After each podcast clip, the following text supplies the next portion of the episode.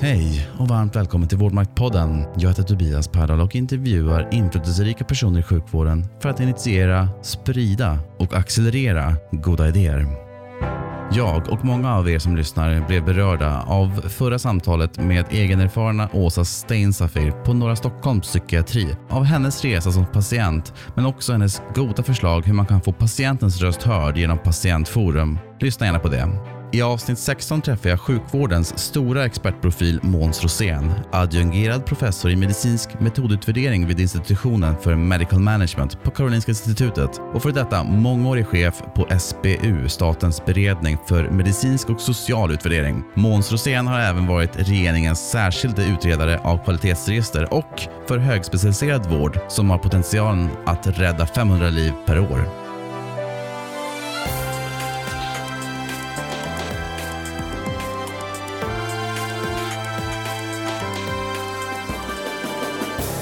Idag talar vi om att ställa rätt frågor som experternas expert och om att vara pappaledig även som direktör. Om kvalitetsregister som guldgruva och att centralisera högspecialiserad vård för att spara 500 liv årligen. Om att efterfråga hur många ingrepp din kirurg gjort före din egen operation. Om lokalt självstyre i politiken. Ja, och mycket annat såklart. Varmt välkommen till Vårdmaktpodden, Måns Rosén. Tack. Hur mår du idag? Jag mår utmärkt. Du nämnde att du kollade på Australian Open här på morgonen. Ja. Jo, man kan ta det lite lugnare nu på morgnarna nu när man är halvtidspensionär. Ja, jag såg Nadal och han såg ut att vinna klart i sin match. Han du själv träna någonting på förmiddagen idag? Nej, idag hoppade jag över det. Du hoppade igår, idag? Igår tränade jag. Och vad gjorde du då? Då var jag på Friskis och Svettis och sprang lite och gjorde lite styrkeövningar för ryggen och så. Jag hoppas på ännu bättre kondition och så vill jag ha upp min snabbhet på tennisbanan. Ah, så du kan möta Nadal senare? ja, kanske inte. Du Måns, det verkar inte vara som att det är så många personer som får möjligheten att vara regeringens utredare vid upprepade tillfällen. Några har säkert blivit det vid flera tillfällen. Jag tänker det fanns en rolig, en rolig strof i den här utredningen med, om högspecialiserad vård. Ja, men att om man som regeringens utredare inte lyckas med den utredningen så kanske man inte återfår förtroendet att Nej, göra det igen. Det är sant. Det är sant. Vad tänkte du på när du, när du skrev den strofen? Nej, det var, det var väl så att jag bedömde väl att det är så det är. Att det, blir de inte nöjda med resultaten så blir man nog inte tillfrågad igen. Hur går det till när man blir tillfrågad om att få göra en sån här utredning? Ja, i, i mitt fall så var det, tror jag, Olivia Wicksell som då var på socialdepartementet som ringde och frågade om jag var intresserad av det här med högspecialiserad vård. Och eh, jag tyckte att det där lät ju väldigt spännande så jag kunde inte låta bli att säga ja. Du, du har lagt vad jag förstår två universitetsexamina. Dels i ekonomi och dels i statistik. Ja, egentligen tre, men först två stycken grundexamen. En fil. kand. i matte och statistik och en ekonomexamen. Just det. Vad var tanken med att kombinera utbildningarna? Det var nog för att det var svårt att få jobb på den tiden. Så att jag tänkte att jag kunde läsa något ämne parallellt. Sen så kom du in på det här med forskning. Ja, det var väl en slump. Jag jobbade på SPRI då, som var sjukvårdens planerings och rationaliseringsinstitut.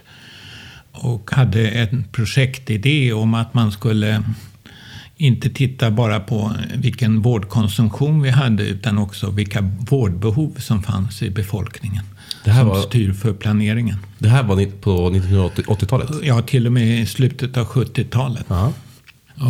Så då började jag ett samarbetsprojekt med Västerbottens läns landsting och Umeå universitet. Och när vi hade hållit på där något år så frågade en av de som var med i projektgruppen som var professor där om, om inte jag borde doktorera. Jag sa ja, vi kan väl börja. Och så skrev vi någon vetenskaplig artikel och sen blev det flera. Så på den vägen var det. Och ett tag så var jag också så att säga assistent åt chefen Torsten Thor på Spri och satt i ledningsgruppen. Där fick jag lära mig mycket om hur det är att leda också organisationer. Med din forskning uppe i Umeå, vad kunde du påvisa med den? Det vi visade var att det fanns stora regionala skillnader i hälsa mellan olika delar av Sverige. Och också ännu större skillnader om man tittade mellan kommunerna. Så det konkreta där uppe det var ju att man startade det så kallade Norsjöprojektet som sen blev Västerbottenprojektet. Och det var ett hjärt-kärlförebyggande program. Det var att kommunen och landstingspolitikerna blev intresserade när de förstod att det här har vi ett problem i våra områden och det vill vi göra någonting åt. Vad har det fått för konsekvenser? I Norsjöprojektet såg man ju att till exempel kolesterolnivåerna sjönk med 10 procent. Vilket man uppskattade då skulle, och dödligheten sjönk också kraftigt. Problemet vid utvärderingen är naturligtvis att det gjorde den i hela Sverige också. Inte i lika stor utsträckning som i Västerbotten och Norsjö. Och det försvårar ju en del eh, utvärderingsaspekter. Norsjöprojektet hade man ju en deltagarfrekvens i sin screening på 95-96 procent. Vilket måste vara världsrekord. Vad gjorde du därefter när du hade disputerat? Ja, jag var ett tag i Stockholms läns landsting och jag höll på, på jobbade, var chef för en liten hälsoprogramenhet som jobbade med förebyggande arbete.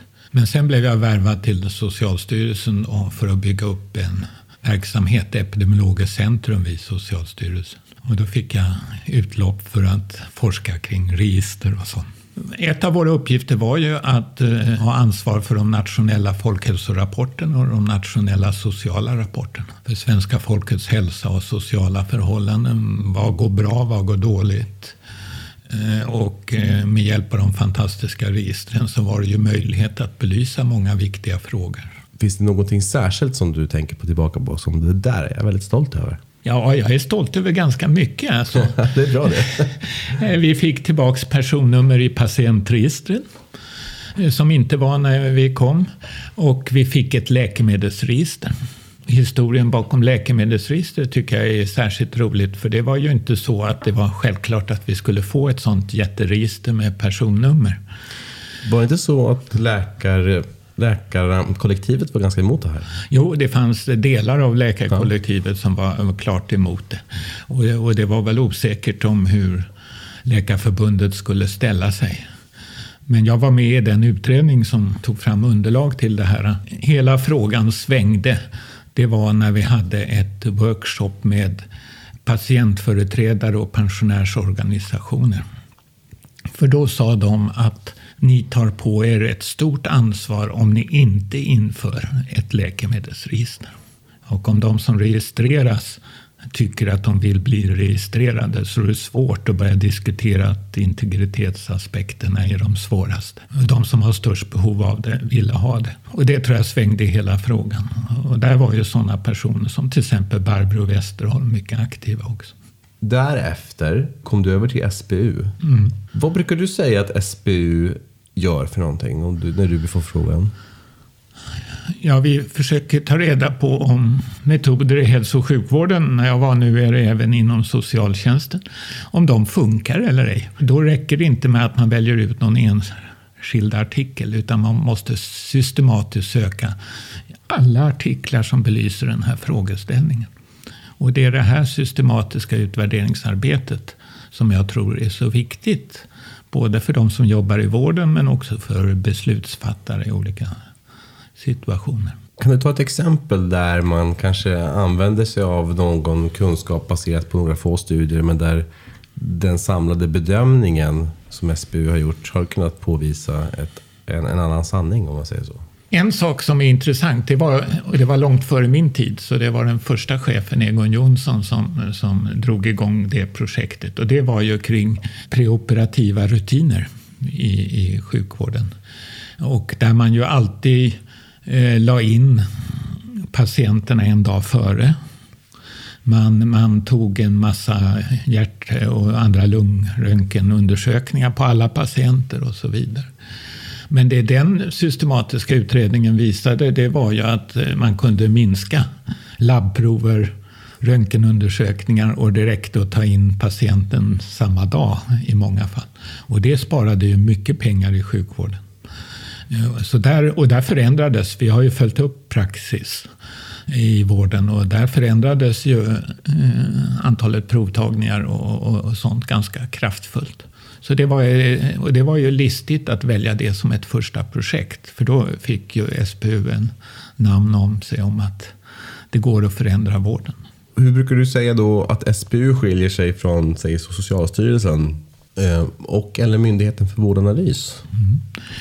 Vi tar fram kunskap på SBU. Vi säger jag fortfarande även om jag har slutat på SBU. Men sen gör ju Socialstyrelsen riktlinjer, väger ihop olika kostnadseffektivitet kontra effekter och nytta och sånt där och risker. Det tror jag är en bra gränsdragning. Myndigheten för vårdanalys jobbar ju lite mer med att följa upp olika reformer i, vården och sånt där. Och, och än vad SBU är som bara tittar på befintlig evidens på något sätt. Men så att jag tror att det är viktigt med, med dem också. Det föreslog vi ju i kvalitetsregisterutredningen att de skulle följa upp och utvärdera hur det gick sen. Har, eh, har du haft någon motgång? Eh, vi fick ta bort personnummer från patientregistret. Men nu har ju Gabriel Wikström sett till att det har kommit tillbaks. Så det tog ja, 10-12 år. Eh, men där misslyckades vi för då blev det väldigt mycket från kvinnoförbund, politiska kvinnoförbund som var väldigt misstänksamma. Sen tror jag när de tänkte efter lite mer att de kunde se de positiva aspekterna av det också. Vad var argumenten mot? Ja, det var integritetsintrång och att det skulle vara risk att de eh, skulle bli liksom få ta, tala om sin abort och sånt där. Sen har ju också professionen också sagt att det är viktigt om vi ska kunna forska på också orsaker och problem med aborter. Att, att det finns ett personnummer i det. Vi har ju personnummer på alla psykiatriska diagnoser och de är också känsliga. Det är viktigt att komma ihåg att på de nationella registren finns ju faktiskt inte ett enda känt fall av missbruk. Så vitt jag vet i alla fall. Eh, av att integriteten har blivit... Riskerna finns ju på det lokala sjukhuset eller något sånt. Där en, om någon kändis eller något annat är.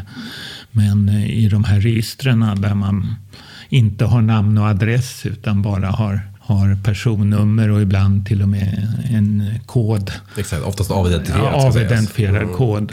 Men ålder framkommer och kön. Ja, och sen kan mm. man eh, samköra med hela personnumret så att det är samma person som har haft de här problemen eller hur det har gått för patienterna. I andra register? I andra register. Några tips till eh, andra chefer där ute? Jag tror man bara ska ta jobb som man tycker är roligt. Inte för att vara chef.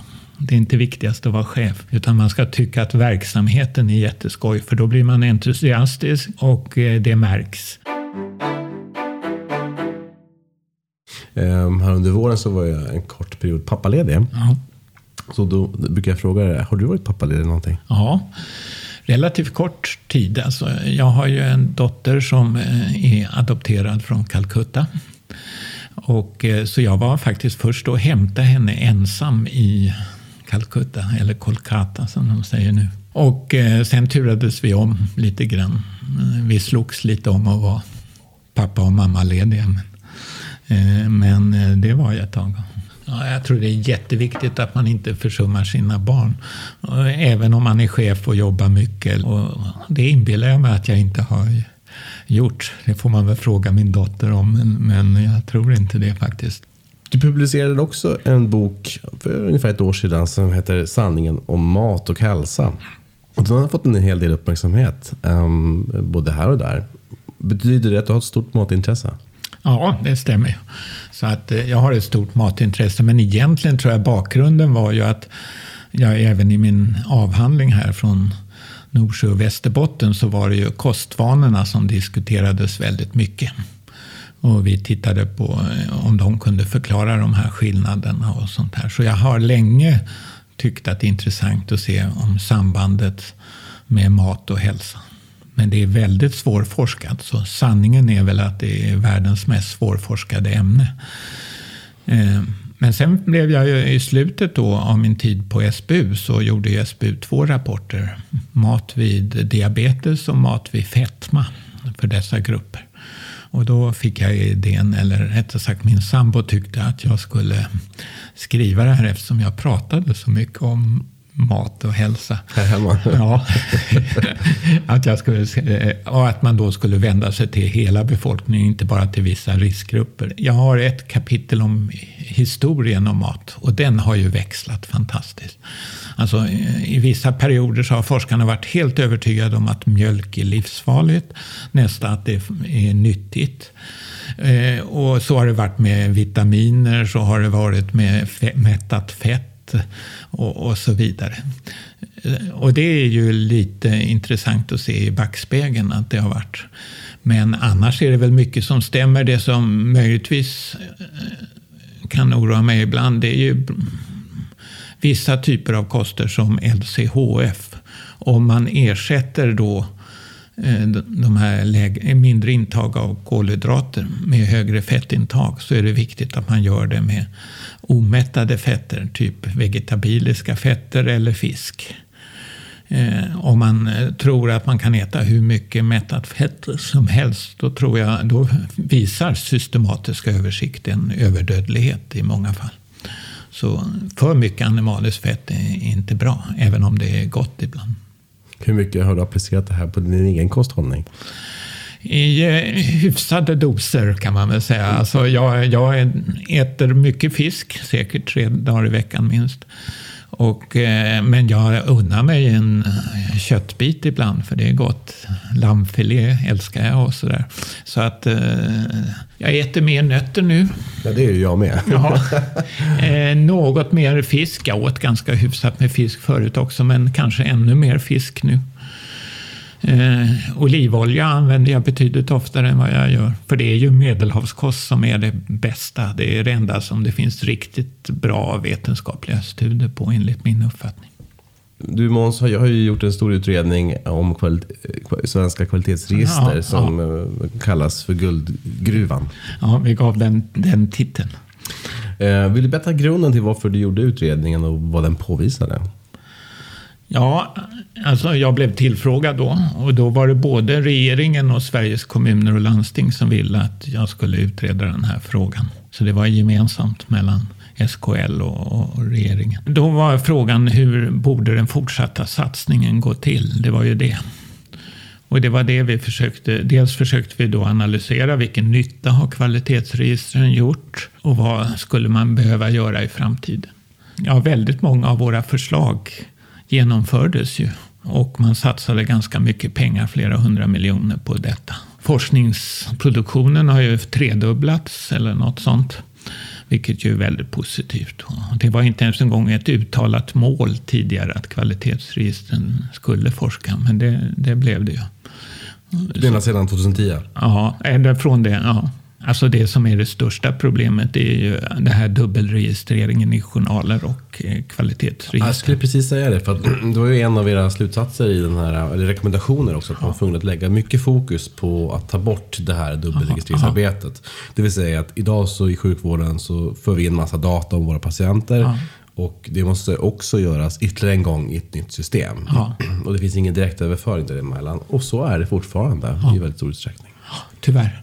Och det har gått mycket långsammare än vad jag trodde det skulle behöva göra. Det kan jag ju säga. Nu är, och, och jag vet inte riktigt varför. Alltså, journalerna har ju av tradition inte varit särskilt strukturerade utan man skriver det man vill och sånt där. Och det har naturligtvis försvårat den här integrationen mellan kvalitetsregister.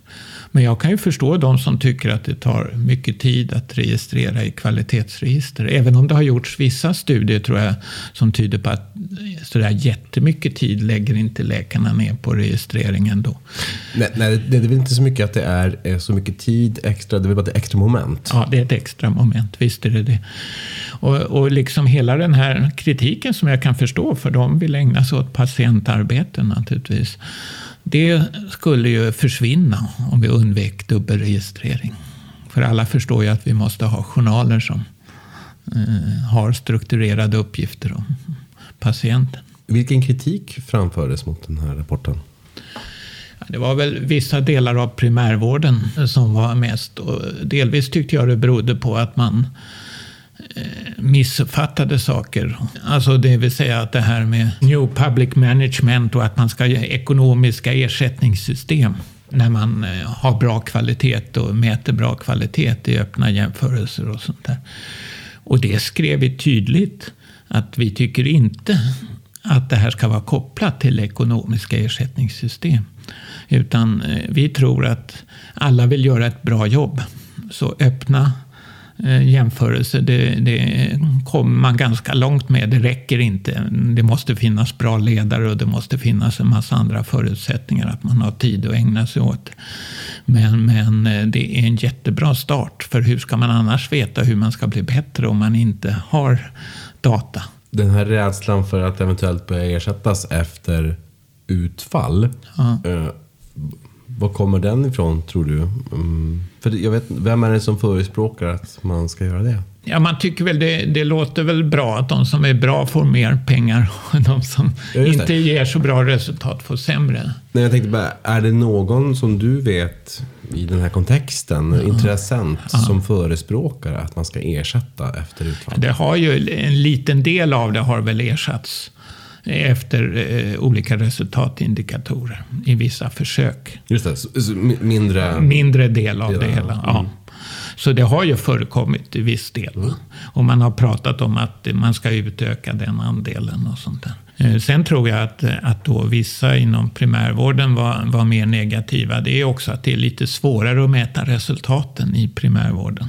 Eh, Det fordrar ju längre uppföljningar och, och så vidare. Men om man är offentligt finansierad så måste man vara beredd att bli bedömd ändå för vad man gör och vilka resultat man uppnår. Är det någonting särskilt där du tänker på?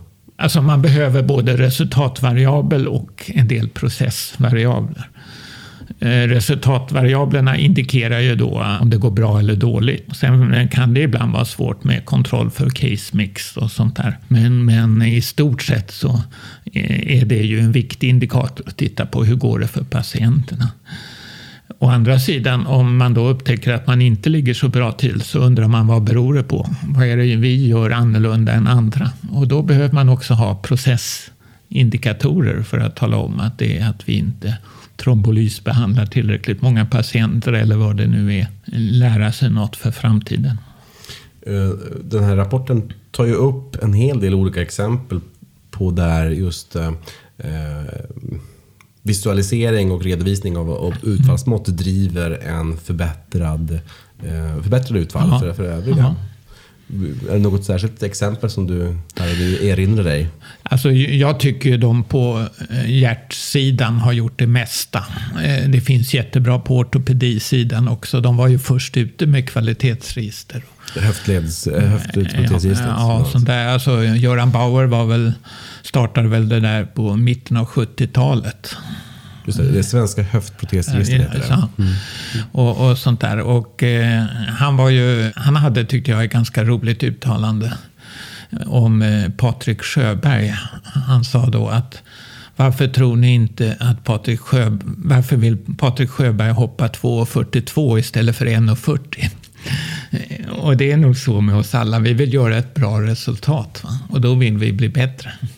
Och, och det var därför han också slogs för mer öppna jämförelser. Men finns det data? Finns det studier som visar på att kvalitativa utfall driver förbättringar? Ja, det tycker jag mycket. På ortopedisidan så har det ju varit att man har nya andra implantat som håller längre och sånt där. Har man ju visat i flera studier. Och, och det är ju uppenbart också att att på hjärtinfarktvård och annat så har man ju nu tagit till sig av riktlinjer och annat och gör mer likvärdigt än vad man gjorde förut. Och framförallt de ställen som hade sämre resultat har ju förbättrat sig mer än andra. Men kan man isolerat säga att det är kopplat till just visualiseringen av data och utfallsmått? Nej, inte bara naturligtvis. Utan det fordras ju att, att andra ledarskapet tror jag är väldigt viktigt. Att chefen är intresserad av detta och följer upp det och ser till att det finns utrymme för att diskutera utfallen och sånt där. Så, Men Om man tänker som ett, ett alternativ då till att um, mäta årlig utfallsdata. Att göra punktprevalenser, att göra var femte år. Är det någon form av... ja, jag tror, alltså, är det något eh, registren har fått kritik för så är det ju för att en gång om året räcker inte. Vi vill ha sista online, den sista månadens resultat. Eh, så att det är nog snarare så att det skulle behövas ännu oftare och ännu mer avrapportering. Um, säg, precis. Um, det är nog många som röster som hörs här för det. Men finns det studier som talar för att det är den vägen att man ska gå? Så vi gjorde en studie till exempel också från början när man började prata om hjärtinfarktöverlevnad. Eh, och sen mätte vi igen och det var ju uppenbart att de som hade sämre resultat hade förbättrat sig betydligt mer än de andra. Och det har ju Swedeheart och Riks-HIA och sånt också visat ganska tydligt. Det fanns studier från Värmland med PCI eh, eh, och hur man snabbt fick bättre resultat efter att ha sett att det inte har varit så bra. sånt där. Men återigen, eh, de här exemplen som du tar upp nu, mm. jag tycker det är väldigt intressant. Finns det vetenskap som visar på att det är tack vare Eh, visualiseringen och mätningen av utfallsmåtten som är den isolerade anledningen till att det blev bättre? Alltså problemet är väl, alltså man kan nog säga att det, det behövs mer forskning här. För att det problemet, och det gäller även de som inte har visat någon förbättring, de har inte tittat på strukturvariabler. De har inte tittat på ledarskapet, de har inte tittat på hur mycket kringresurser som har funnits. De har liksom inte tittat på andra faktorer som också spelar roll och, och sånt där. Som jag förstår ändå så har ni ändå eh, gjort en ansats om att försöka definiera begreppet högspecialiserad ja, vård. Och jag hittade en strof som står eh, som följande. Att komplex eller sällan förekommande hälso och sjukvård Aha. som bedrivs av landsting och som kräver en viss volym eller multidisciplinär kompetens samt i förekommande fall stora investeringar eller höga kostnader för att kvalitet, patientsäkerhet och kunskapsutveckling ska kunna upprätthållas på ett och ett effektivt utnyttjande av hälso och sjukvårdens resurser uppnås. Så kan man också, det pratar om att man kan dela in högspecialiserad vård i nationell respektive regional. Det är mer än det som folk upplever som nationellt högspecialiserad vård som behöver koncentreras. Och det var därför vi införde också regionalt högspecialiserad vård som ett begrepp och som alltså inte borde bedrivas eh, på hur många ställen som helst inom varje region. Precis, och vi bara, för att, för att, på, på, den här abstraktionsnivån, eh, regional ja. eh, högspecialiserad vård, vad är det? Ja, I dagsläget har vi ju sex sjukvårdsregioner. Och eh, där ingår ju ofta flera landsting. Och eh, att eh, man inom den regionen inte ska göra saker för sällan. Utan man ska göra dem relativt ofta och ha en tillräckligt fokusera. Och det finns ju flera bra exempel på det, alltså där man har börjat. I eh, Region Skåne så har ju man eh, förlagt eh, höftplastik till Hässleholms sjukhus. För jag menar, det är inte så att allt behöver gå till de stora universitetssjukhusen.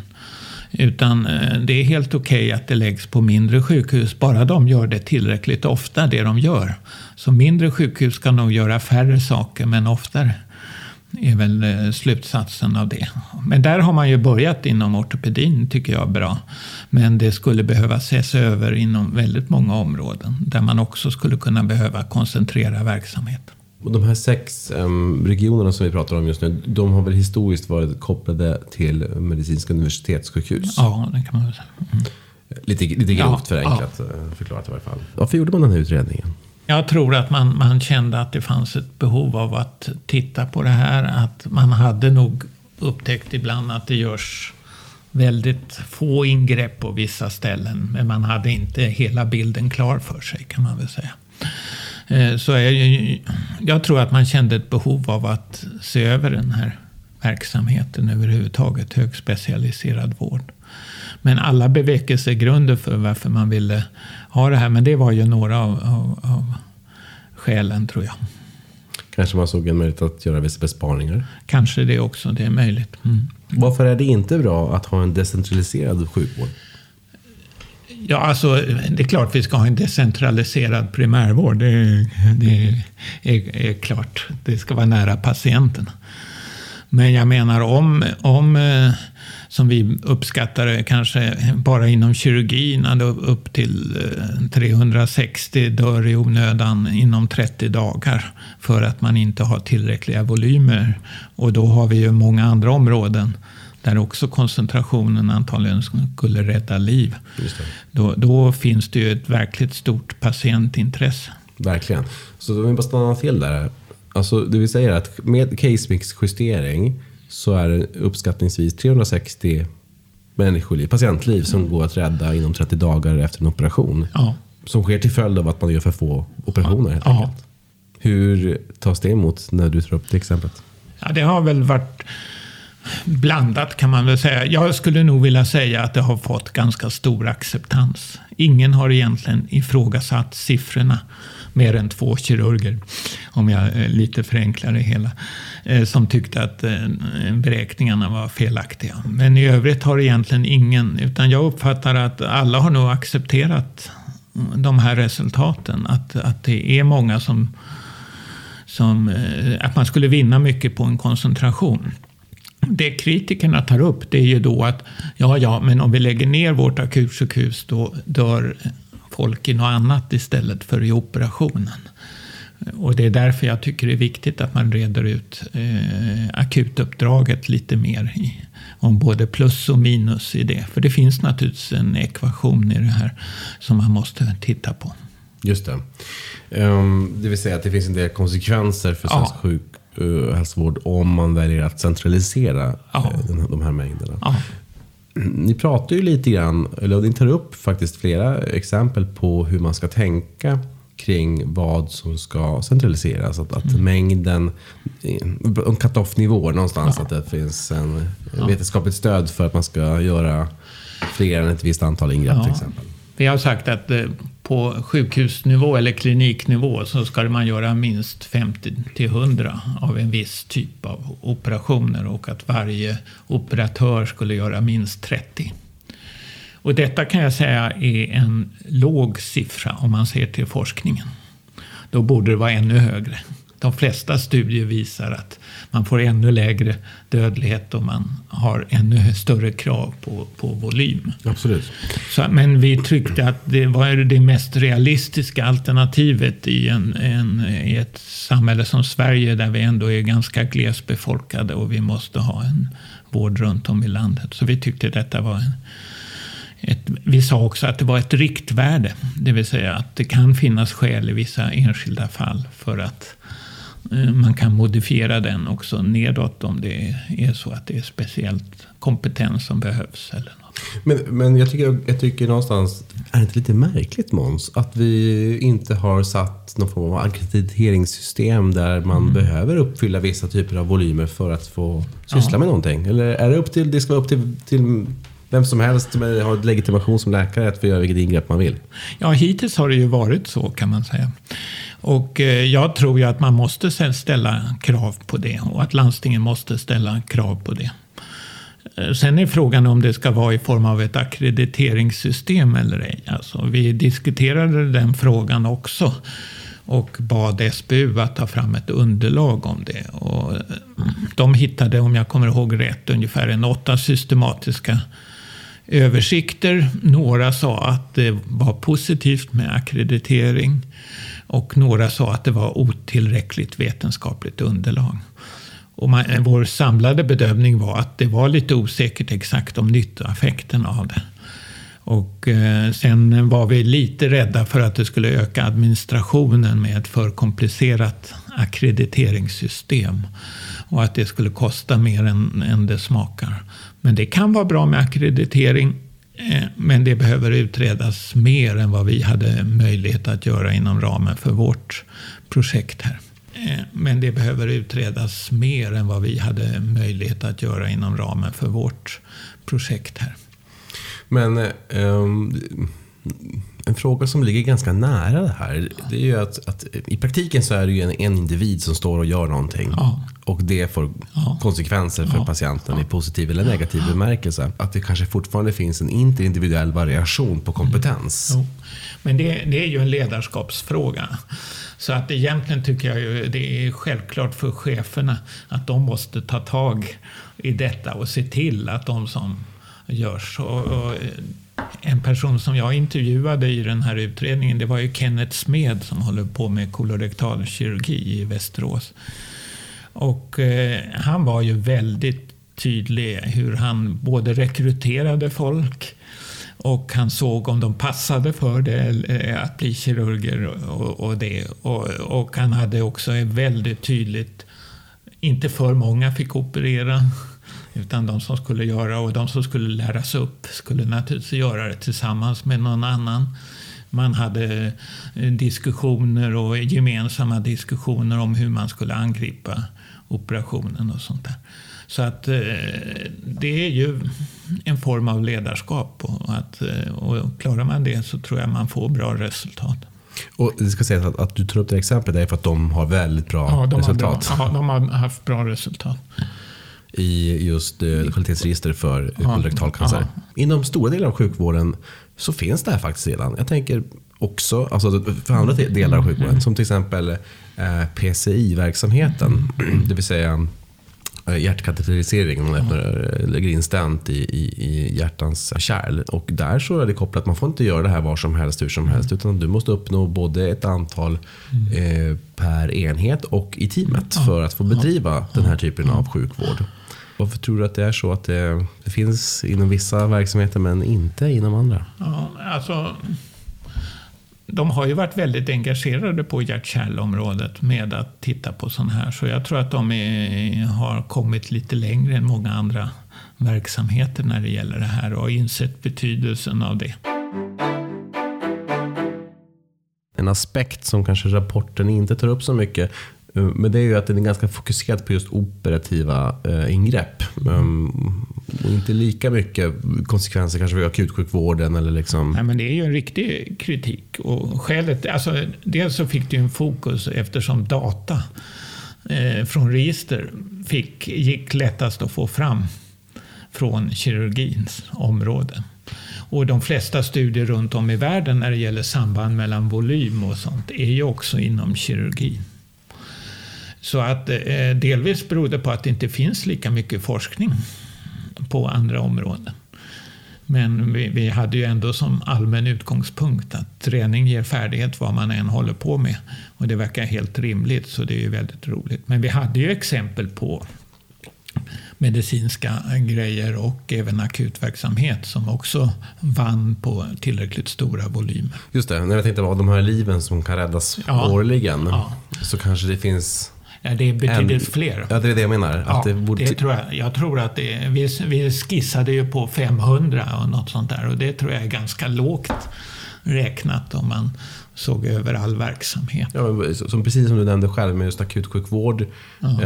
och internationellt Ja. eh, bedrivs ju som en egen specialitet med en hög kompetens som tar hand om de här svårt sjuka patienterna. Och det finns stark evidens för att Ja. det, det driver kvalitet Ja. i, och förbättrad överlevnad för Ja. många tillstånd. Inte minst trauma, men, Ja. men, men, men även andra tillstånd. Och det är inte riktigt med i rapporten, eller hur?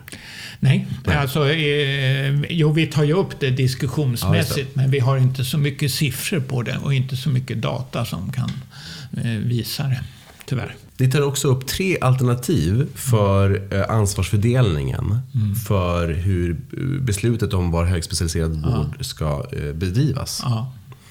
Vill du berätta lite grann om det? Ja, vi, vi åkte ju runt. Vi träffade ju över tusen personer i hälso och sjukvården under utredningens tid. Och vi åkte runt i alla regioner. Där träffade vi både politiker, professionella företrädare, patientföreträdare och diskuterade tre scenarier. Ett som skulle vara lite mer helt och hållet nationell styrning. Eh, eh sen ett där man hade det ungefär som nu, att landstingen skötte sig själva. Och eh, ett där man hade en lite ökad regional samordning kan man säga. Och man kan väl säga att det var inga som förespråkade eh, nuvarande situation, att det skulle vara som det är. Utan alla ville ha förändring. Sen ville några, tyckte, ja, ganska många egentligen, ville ha det nationellt helt och hållet. Och några tyckte att eh, okej okay till nationell högspecialiserad vård, det kan eh, skötas genom det system som vi föreslog sen som Socialstyrelsen skulle ta tag i. Eh, och eh, en del tyckte att nej, men regionalt, det får, kan vi sköta själv. Och, och det hör ju till saken att pratar man med landstingsdirektörer och hälso och sjukvårdsdirektörer som vi gjorde på SKL så var de väldigt positiva till vårt första förslag som var en tydligare nationell styrning. Det är ju de som vet hur svårt det är att förändra på den lokala nivån. Och de sa bara försök få, eh, se till att det här blir genomfört och genomför det snabbt. Det var en, eh, en, diskussion. Men sen kom jag ju till politikerna på SKL och möttes då av ett, ett eh, mycket mer ifrågasättat där de tyckte att vi hade gått alldeles för långt eh, och eh, hotade den kommunala självstyrelsen. Så kan man väl uttrycka det. Genom att vi ville överlämna det här till en, en nämnd. Sådär. Och, varför tror du att de blir... Eh, varför de reagerade så? Ska man fråga dem om egentligen? Alltså, jag, blev ju lite, jag tyckte att vi hade så tunga argument med 500 onödiga dödsfall och, och sånt där. Eh, men de, var, eh, de kände väl att de tappade kontroll. De ville själv göra det här. För det var ingen som ifrågasatte eh, siffrorna. Eller att det hade den här effekten. Men de ansåg att de skulle klara av det själv.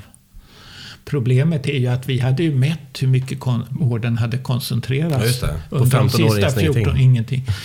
Så att därför tycker man ju att det var lite optimistiskt av dem att tro att de skulle klara av det nu. Och samtidigt så tror vi att det ändå skulle sätta eh, sjukvårdsregionerna under klar press om det fanns ett nationellt underlag som, som pekar på att man borde nog inte ha den här typen av vård på mer än två, tre ställen i regionen. Nej men verkligen, jag tror att så fort man börjar redovisa den här datan mer tydligt så kommer det kanske i sig bara driva den här utvecklingen. Men samtidigt så eh, måste man även då ta upp den här diskussionen. Eh, för att för, mellan att den här rapporten kom mm. och dagens datum så har ju ett initiativ med regionalisering en, um, gjorts och mm. misslyckats. Mm. Vad är dina tankar om det? För det är inte bara din utredning som kommer fram till det. Även Göran Stiernstedt pratar om ja. det här. De flesta gör ju det. Ja, ja eh, och det var ju vad vi sa. Alltså, även om det inte vi, i detalj så sa vi att det vore önskvärt med färre, att man slog ihop landstingen till färre regioner. För att man får tillräckligt befolkningsunderlag och kan då fatta beslut själva om det här. Ja, det står ganska explicit i rapporten. Ja, det står ganska explicit. Det mesta står ganska explicit i rapporten. Vi försöker vara klara. För man trodde ett tag att det skulle gå eh, att genomföra det. Men det är klart, det finns mycket oro lokalt för vad det här innebär. Så. Ja, man tappar ju arbets, arbetstillfällen. Ja. man kan väl säga att det är lokala politiker och lokala läkare, professioner, som har varit lite oroliga och kritiska. Vilken typ av läkarprofessioner är det vi pratar om? Ja, det har ju, mycket, det har ju varit mycket inom kirurgi till exempel, men även andra. Eh, om man jobbar lokalt så förstår jag det. Man vill behålla sitt arbete och man trivs i sin stad eller var man bor. Så det är klart att det innebär ingrepp i, ibland i det här. Men, men sjukvården är ju till för patienterna och då tycker inte jag det finns så mycket alternativ.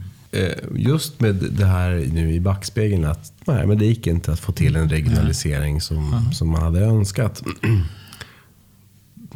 Torde inte då kanske nationell lösning vara det som står på bordet? Då? Ärligt talat så tror jag, även om det inte gör så händer det något redan nu. Det är ju de signaler jag får. Jag har varit ute och föreläst i många landsting och regioner. Och det finns ju många som redan har startat den här resan. Oberoende av om man nationellt tar tag i det. Men det kommer att gå olika snabbt då naturligtvis. För att jag menar, Västra Götaland upplever jag som en region som jobbar mycket aktivt med den här frågan. Och, och sånt där. Och där kommer det nog att hända oberoende av om våra förslag går igenom eller eller en av konsekvenserna av att om man skulle göra den här typen av centralisering driver ju ner kostnader. Ja. Och det tror jag går hand i hand med vad många landsting sitter och brottas med. Ja. Och därför tror jag att kan det inte vara så att det, där, det, det är mycket det som driver det som händer just både nu? Och, både och tror jag. Alltså, jag håller med om det. I vissa landsting så har man ju framförallt sagt att vi måste dra ner på en kirurgklinik eller vad som helst. För vi har ett underskott på 100 miljoner eller något sånt där. Men jag tycker istället att de ska betona att eh, det här blir bättre för patienterna. Och det är det som, alltså det är resultaten och patienternas, hur det går för patienterna som ska vara det viktigaste. Sen att det indirekt gör att man kanske spar pengar också för att det blir effektivare verksamhet, det är väl jättebra. Samtidigt som man får vara respektfull för att man behöver nog utreda konsekvenserna på akutsjukvården. Ja, det, det är sant. Det är sant. Um, för, att, för det tar ni också upp i rapporten, tycker jag, på ett väldigt öppet sätt också. Mm. Att um, Ja, det kommer spara liv, men det kommer sannolikt också mm. möjligen um, resultera i att några liv kanske stryker med. Ja, det, det, kan vi ju inte utesluta. Så är det. Och vi har ju vissa områden så är det ju långa avstånd Precis. och sånt där. Men jag tror ju också att till exempel att utnyttja ambulanshelikoptrar mer än vad man har gjort, det är ett sätt att det blir inte... Det, man vinner mer än man förlorar, det tror ju jag. Det är ju min hypotes ännu så länge. Eh, men eh, jag tycker ju att det ska utredas ordentligt. Men, men eh, jag är ganska övertygad om att man vinner mer på det här. Vad kommer det här få för konsekvenser för akutsjukvården? Om man väljer att centralisera större delar av framförallt akutkirurgin? Sannolikt så har vi ganska täta på akutsjukhus i Sverige. Så det kan bli tal om några färre, kanske framförallt i södra Sverige då. Eftersom norra Sverige har ju faktiskt eh, ganska långa avstånd och de ser ut att klara det ganska bra med färre akutsjukhus. Men jag tror att det behöver inte innebära att man lägger ner hela sjukhusen. Det, utan det är att man ser till att de gör någonting som de gör ganska ofta. Om de får ortopedi eller något annat på ett sjukhus men kanske inte har allmänkirurgi eller något sånt där. Eh, medicin är ju så många fall som inträffar av hjärtinfarkt och stroke så där kan jag tänka mig att det, det behövs någonting. Men närakuter, akutläkare istället för kirurger så kirurger får göra det de är bäst på, det vill säga operera och, och sånt där tror jag också behöver man titta på i, en sån här översikt. Men det kommer också driva ner behovet av kirurger? Ja. Antalet kirurger? Ja, men det håller ju Svensk kirurgisk förening med om. De tycker de är för många. Eh, de stora, framförallt universitetssjukhusen runt om i landet, brottas ju och sliter med ganska stora rekryteringsutmaningar och mm. um, sjuksköterskebrist, vårdplatsbrist. Mm. Mycket organisatoriska utmaningar helt enkelt. Och, um, um, det finns ju även studier som visar att just stora sjukhus um, tappar mm. effektivitet. Finns det inte risk att man centraliserar och så blir det sådana här mm. megakolosser till sjukhus? Jo, den risken finns. och vi gav ju ett uppdrag också till, till KI att titta på det här med sjukhusens storlek. Och det visar sig att sjukhus som har mindre än 300 vårdplatser och sånt där har ineffektivitetsproblem. Så att säga. Det, det, det är inte det mest effektiva.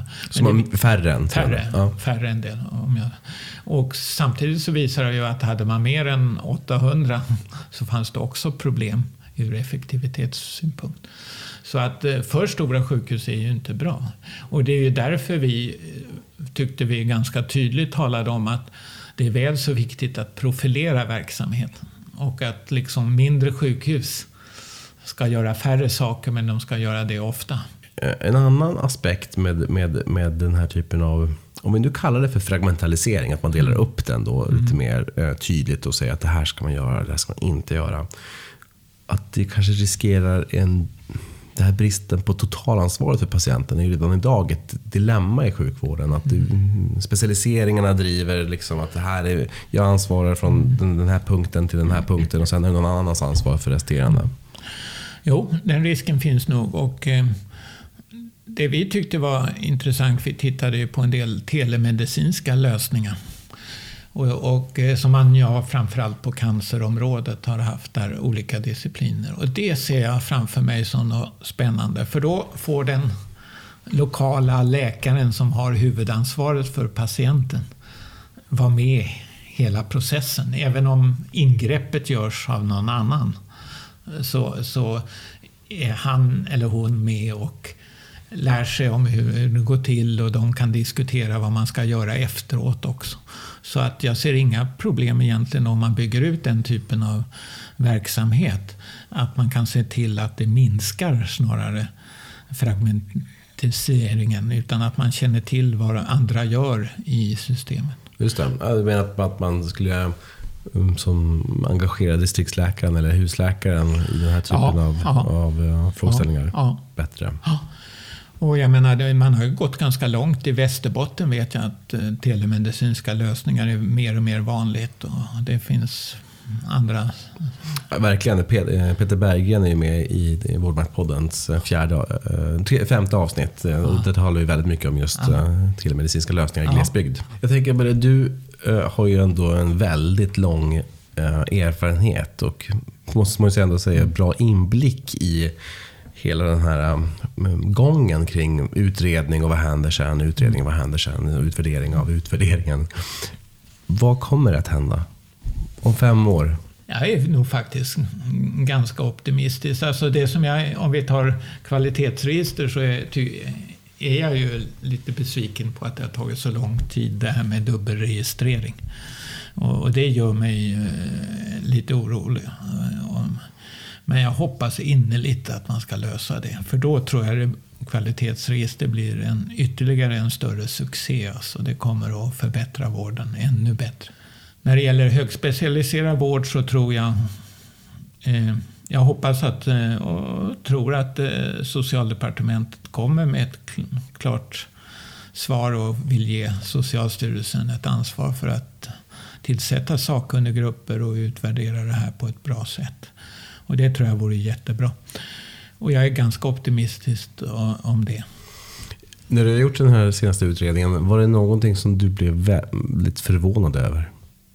Att du dök på någonting, att det där, oj, det där trodde jag inte var sant. Nej, alltså jag trodde nog inte att, att, eh, att man gjorde så lite ingrepp. Alltså.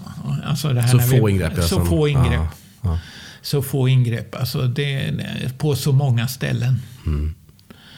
Jag trodde nog att man tränade mer. Det, det, det, var en överraskning för mig när vi fick fram siffrorna. Och att jag trodde väl också att vården hade koncentrerats mer under de sista 14 åren. Och det var också väldigt lite som hade hänt. Så de två sakerna blev överraskade mig. Det är någonting som inte riktigt känns bra att det sker eh, färre än fem liksom, njurcanceroperationer på ett visst ställe. Alltså, liksom, det förstår man ju också att då, då, är det inte heller säkert en person. Det är kanske, det är kanske tre, fyra personer som gör det här. Och som mm. alltså gör ett sånt här svårt ingrepp per år. Det, det, det känns eh, intuitivt fel. Och jag har ju uppmanat mina vänner att de ska fråga om de ska genomgå Verkligen. någon operation. Hur många har du gjort? Och sådär. Och om man inte är för dålig status kommer jag också fråga det när jag behöver vård. Nej men verkligen. En fullkomligt adekvat frågeställning. Ja, ja. Samtidigt så sätter det ju press på hur man ska utbilda människor. Självklart. Och det eh, måste man också ha respekt för. Men å andra sidan, det finns ingenting som egentligen fortfarande säger emot att man, att man måste göra stora Nej. volymer. Eh, och det är väl ypperligt tillfälle att standardisera utbildningarna då så att ja. man ser en tydlig väg hur, man, hur man ska uppnå de här volymerna. För det gör man ju inte idag. Nej. Då kommer vi till lite avrundningsfrågor. Mm. Vet du något om sjukvården som du eh, ofta tänker att det här borde andra känna till? Alltså, om jag pratar med dig så tror jag det inte är någonting som du inte vet som jag vet. Eh, om man frågar allmänheten så är det naturligtvis en hel del eh, som jag vet som de inte vet. Men, men det är inget, vi har varit inne på många frågor. Jag tror väldigt många blir överraskade när de hör sådana här saker som att gör de inte fler operationer? Och sånt där. Så det finns ju många sådana frågor i, i vården. När blev du själv senast förvånad över något inom sjukvården? Jag blev förvånad över Nej, alltså jag blev förvånad då när vi presenterade det för sjukvårdspolitikerna, vår utredning om högspecial. Då blev jag förvånad för jag tänkte att de är ju allmänhetens valda av allmänheten. De måste vara värna om patienten. Och jag tyckte att det blev för mycket fokus på det regionala självstyr, kommunala självstyret och för lite diskussion om att det här är ju viktigt att vi genomför. Det, det överraskade mig, mm. det måste jag säga. Mm. Finns det någon sjukvårdsinnovation som du saknar eller ofta tänkt på det här, det här borde finnas? Jag tror att det är på gång mycket nu. Och det har vi ju lite diskuterat innan du och jag. Alltså det här med, med eh, olika typer av IT-lösningar och kommunikation. Och det har börjat växa upp Kry och andra eh, kontaktnät. Och eh, det tror jag kan eh, effektivisera vården ganska ordentligt. Men det, det gäller ju att eh, hälso och sjukvården hänger med och att det inte bara blir något litet privat alternativ utan att man inser att det måste finnas lösningar som finns både på sjukhusen och vårdcentralerna i den här frågan.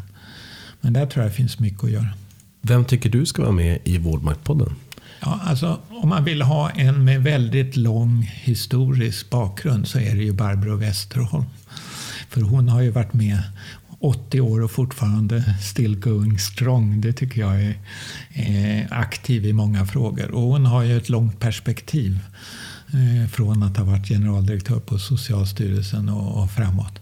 Så det vore väl, tycker jag, spännande att höra vad hon tycker om utvecklingen.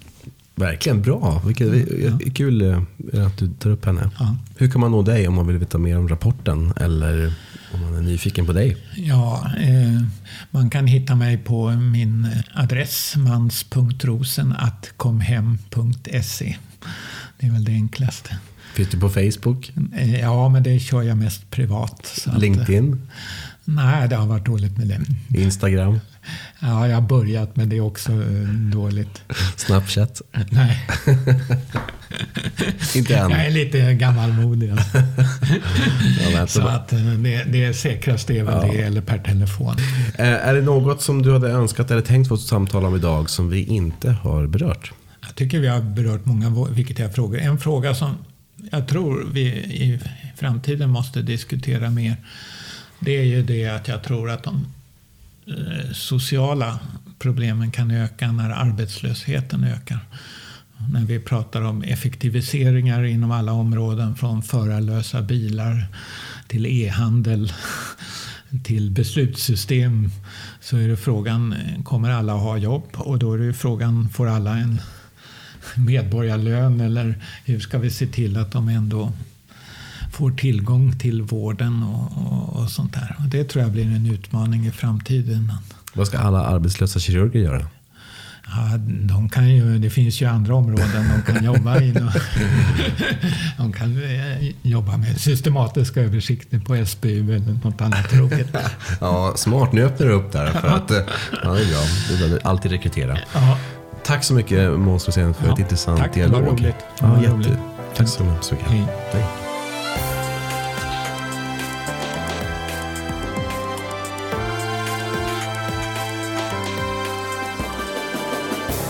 Måns Rosén är en stor kunskapskälla att slå sig ner vid och jag hoppas att du också lär dig något av samtalet. Så skriv gärna en rad på Vårdmaktpoddens Facebook-sida på Twitter eller LinkedIn. I nästa avsnitt träffar jag Barbro Fridén, VD för Sheikh Khalifa Medical Center i Förenta Arabemiraten och tidigare sjukhusdirektör på Sahlgrenska universitetssjukhuset. Jag hoppas du vill lyssna på oss, för det börjar med ett samtal. Sen är det upp till dig och mig.